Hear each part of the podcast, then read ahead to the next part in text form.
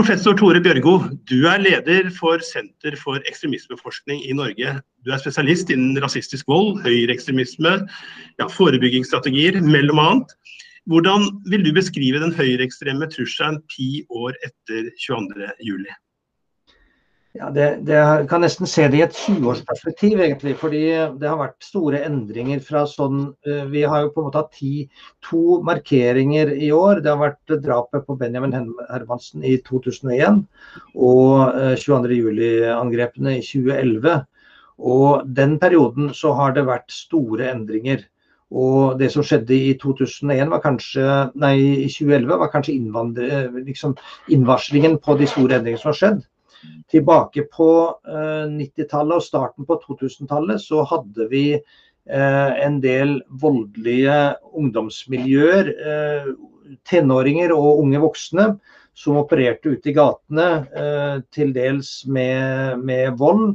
Dels mot meningsmotstandere og antirasister, og dels mot personer med innvandrerbakgrunn.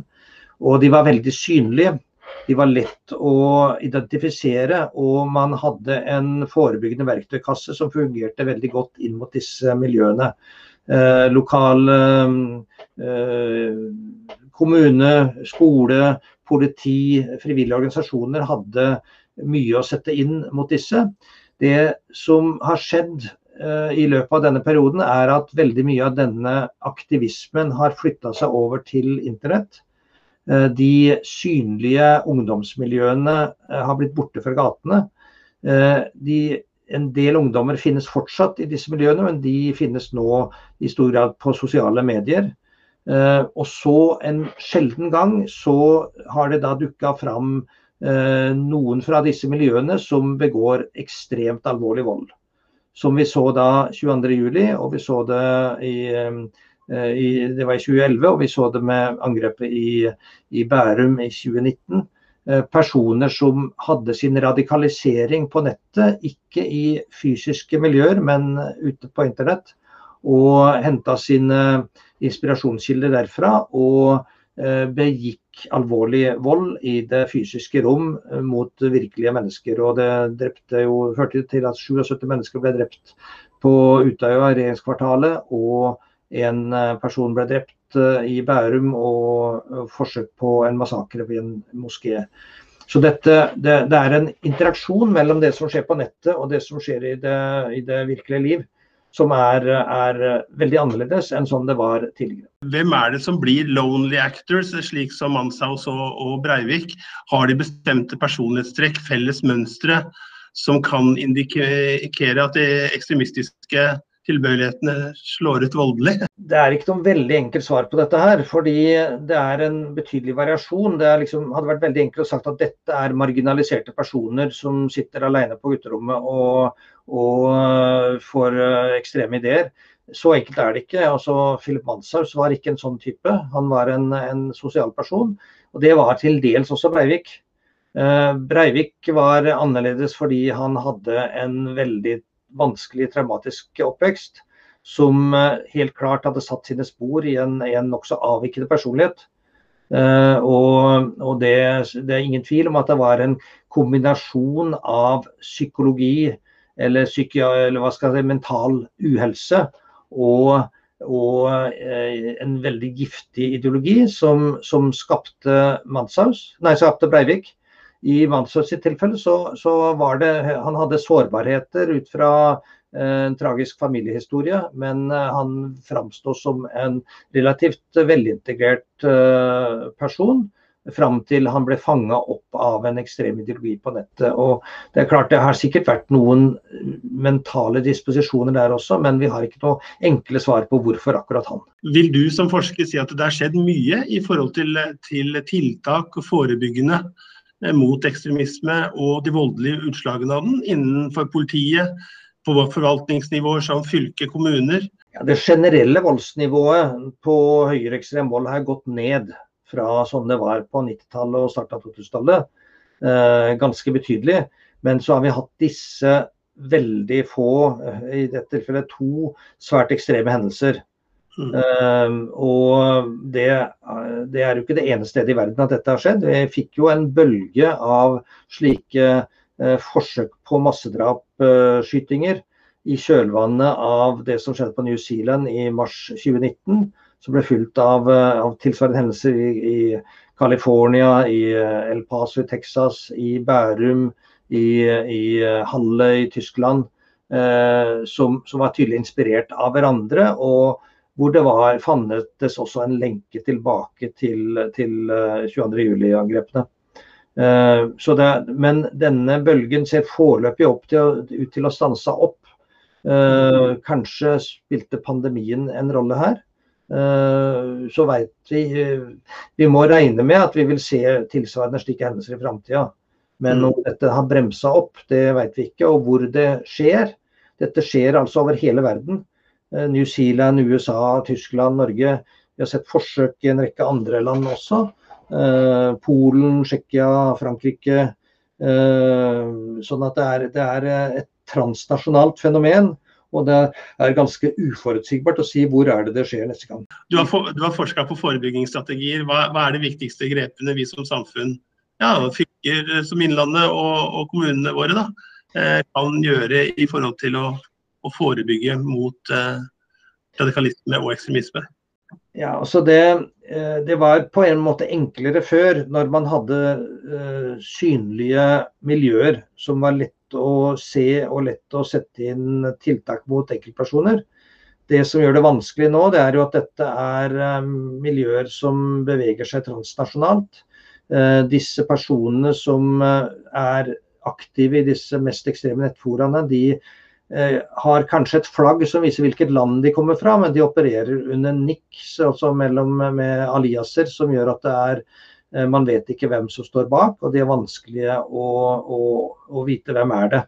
Så den største muligheten til å, å, gripe inn, det er jo egentlig i nærmiljøet rundt disse personene. Familie, venner, skolekamerater som merker at her er det noe som har endra seg på en veldig foruroligende måte. Og da er det viktig at de eh, ikke nøler med å si fra. Uh, og Det var jo på nippet at ikke det hadde blitt skjedd i tilfellet med Philip Hansams. Stemoren var jo på vei til å skulle melde fra, men var dessverre for seint ute. Og Det var jo der også tidlig, et tidligere varsel Eh, som skjedde nokså tidlig i prosessen, slik at det var ikke så kommet så langt at eh, PST eh, fulgte opp videre. Men hadde det kommet et nytt varsel, så ville det opplagt, opplagt ha blitt fulgt opp ganske kraftig, og man kunne kanskje ha avverka dette.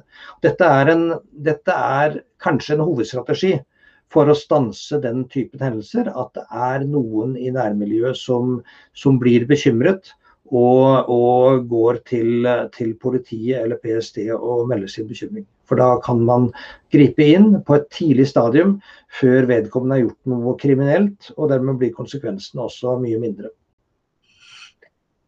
Det, det senteret som du eh, leder, eh, det har forsket mye og kommet med mye i det siste. Jeg har hatt et stort seminar bl.a. Om, om det vi har av kunnskap omkring 22.07. og og, og høyreekstremisme. Noen mener vi er, vi er ferdig med 22.07. Noen mener vi ikke er det, og burde, at det ikke har vært tatt et ordentlig oppgjør med det. Hva, hva, sånn helt grovt og kort, hva sier forskningen eh, om det?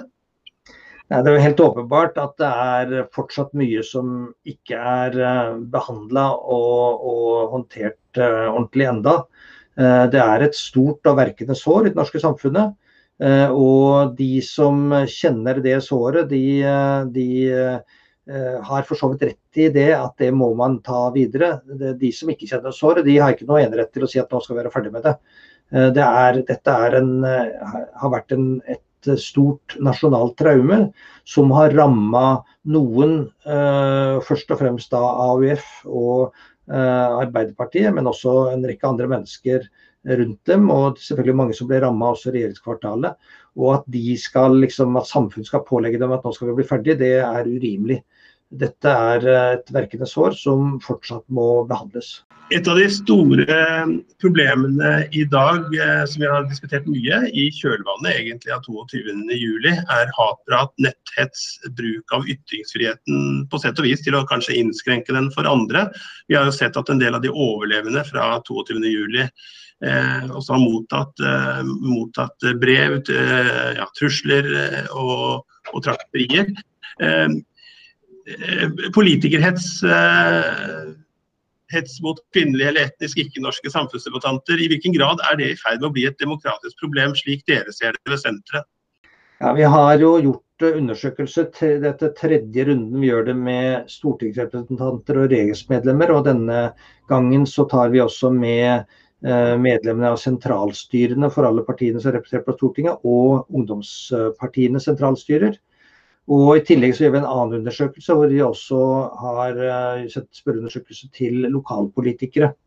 Og Hovedmønsteret her er jo at uh, trusler og trakassering har en, en negativ innvirkning på, uh, på de, de, demokratiske prosessene og politikernes ytringsfrihet. Det er en betydelig andel, og den er økende, viser denne undersøkelsen blant rikspolitikere, at Eh, flere og flere vurderer å trekke seg ut av politikken fordi de ikke orker den hetsen og trakasseringen. Eh, og, eller at de legger bånd på seg med hva, hvilke saker de, de, de, eh, våger å uttale seg på, fordi at de frykter så mye dritt som får slekt etter seg. Vi ser at en betydelig andel som har vært økende fra så melder at de har erfart alvorlige trusler den er jo betydelig høyere blant rikspolitikere enn lokalpolitikere, men i 2013 så var det ca. 34% som rapporterte at de hadde vært utsatt for drapstrusler mot seg eller familien, hærverk på eiendom eller direkte forsøk på overfall. Eh, dette økte til 40% i 2017, og vi er nå over halvparten, eh, noen av 50% som har rapportert det i den siste undersøkelsen vi gjorde i vinter. Det betyr at, det er, at dette har bredt om seg, og det aller meste av dette skjer på sosiale medier. Uh, og Det kan jo ha en viss sammenheng med at bruken av sosiale medier har økt i samfunnet i denne perioden, men, men det er også en, eh, helt klart en alvorlig belastning for, for uh, politikere, både nasjonalt og lokalt. Hva har det betydd at, vi, at Norge har fått dette senteret? Ja, bakgrunnen for at det ble etablert et slikt senter, var jo at uh, 22.07-angrepene viste at vi hadde ikke Vi mangla oppdatert kunnskap om det fenomenet som ramma oss 22.07. Vi hadde mye forskning om høyreekstremisme i Norge på 1990-tallet og starten av 2000-tallet. Og så eh, forsvant på en måte disse problemene fra gata, og da opphørte også forskningen. Og så gikk det nesten ti år før det smalt 22.07, og da så oppdaget man at det som nå rammet oss, var det noe helt annet enn det vi hadde før. Det var ikke lenger ungdomsgjenger eh, med rasistisk eh, framtoning og skinheads og slike ting. Det var noe helt annet. Og da eh, bestemte regjeringen å etablere et senter for å forske spesifikt på høyreekstremisme. Og, det, den, det, konsortiet som jeg representerer, vi vant jo denne konkurransen og er nå drevet på i, i drøyt fem år. Og Det som vi iallfall kan si, det er for det første at vi har fått veldig mye oppdatert kunnskap om, om det som er dagens uh, utfordringer, dagens fenomener. Uh, og vi har en enorm pågang uh, for, fra mange forskjellige hold for å få, få, at vi skal dele den kunnskapen vi har. Det gjelder jo statlige og lokale myndigheter, politi, sikkerhetstjenester, det gjelder skoler, media ikke minst. Eh, politiske partier. Eh, det er eh, helt ned til Rotary og, og Lions-foreninger.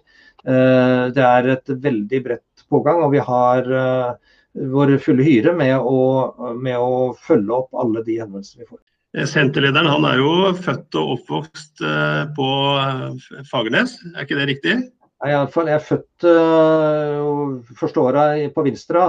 Ja, jeg er født på Ringebu, men uh, jeg har oppvokst det meste av min uh, barndom på Fagernes. Og tok jo, gikk jo videregående der. Ja. Eh, ja.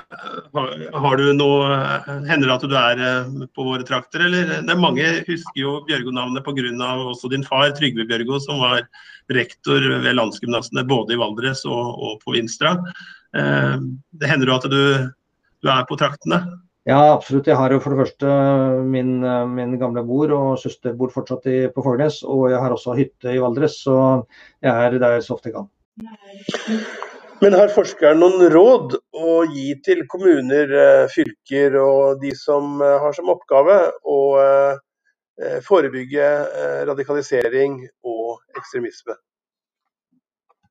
Ja, Det er for det første å være lydhøre for, for de som blir utsatt for, for rasistisk og annen eh, trakassering av trusler og, og i noen tilfeller vold. Eh, ta det på alvor, ikke, ikke feie under teppet og si at eh, sånt er det du må regne med. Eh, det som har vært en utfordring når det gjelder det jeg nevnte med trussel og trakassering mot folkevalgte, det er jo nettopp at det er veldig varierende hvordan dette blir fulgt opp av partier, av kommune og av lokalt politi. Noen steder er de veldig flinke og har en, en gode rutiner og en stor bevissthet, og andre steder så blir dette bagatellisert og at de som blir rammet, og de føler, kan føle at de står helt alene. Så det er, det er, viktig at man tar dette på alvor, og at man gir en god oppfølging på de som blir utsatt for, for trakassering og trusler, og, og, kanskje også til og med vold. Her har det vært en debatt knytta til hvordan vi skal bemøte eh, eh, de eh, ytre høyrekreftene. Da. Altså, eh, Eh, no platforming er jo et internasjonalt begrep. Og, og her er det snakk om liksom, skal man boikotte skolevalg, skal man boikotte møter hvor, hvor eh, grupperinger, organisasjoner eller, eller, partier er til stede. Jeg vet ikke, Med, med forskerøyne, kan du si noe rundt, rundt ja, først får jeg si Vi har akkurat skal starte opp et nytt stort forskningsprosjekt hvor vi ser på hva er effektene av represjon, og hva er effektene av representasjon eh, fra det ytre høyre inn mot eh, høyreekstrem vold og, og terror. Eh, og noe av utfordringen her er at det finnes ikke noe helt enkle svar. Vi ser litt forskjellige mønstre fra ulike land. Eh, I, eh, man har vel sett i Nordvest-Europa at de landene hvor det ytre høyre blir representert, får tilgang til normale politiske kanaler og kan uttrykke seg der. Der er det mindre vold enn i de samfunnene hvor, eller de landene hvor man har uh, utestemt dem fullstendig og har en ganske repressiv uh, holdning til dem. Men så er ikke det mønsteret generelt. Vi ser det motsatte i noen land. altså at uh, I Hellas f.eks., hvor, hvor denne nazistiske Gyllent daggry har fått, uh, fått uh, vært representert. Der har likevel vært veldig mye vold begått av det partiet. Og Vi så vel også i USA, når de fikk Trump uh, i Det hvite hus, så, så ble det styrka det det aller ytterste høyre også i USA, med inkludert mer hattkriminalitet. Så det er ikke noe enkle svar på dette her. Jeg er generelt skeptisk til denne no platforming-strategien som jeg mener uh, for det første er problematisk rent demokratisk, og for det andre antagelig heller ikke er eh, effektivt. Det kan iallfall føre til at man i, i risikerer å få mer vold enn en man ellers ville hatt. Professor Tore Bjørgo, takk skal du ha for at du var med oss i OA-podden i dag. Bare hyggelig.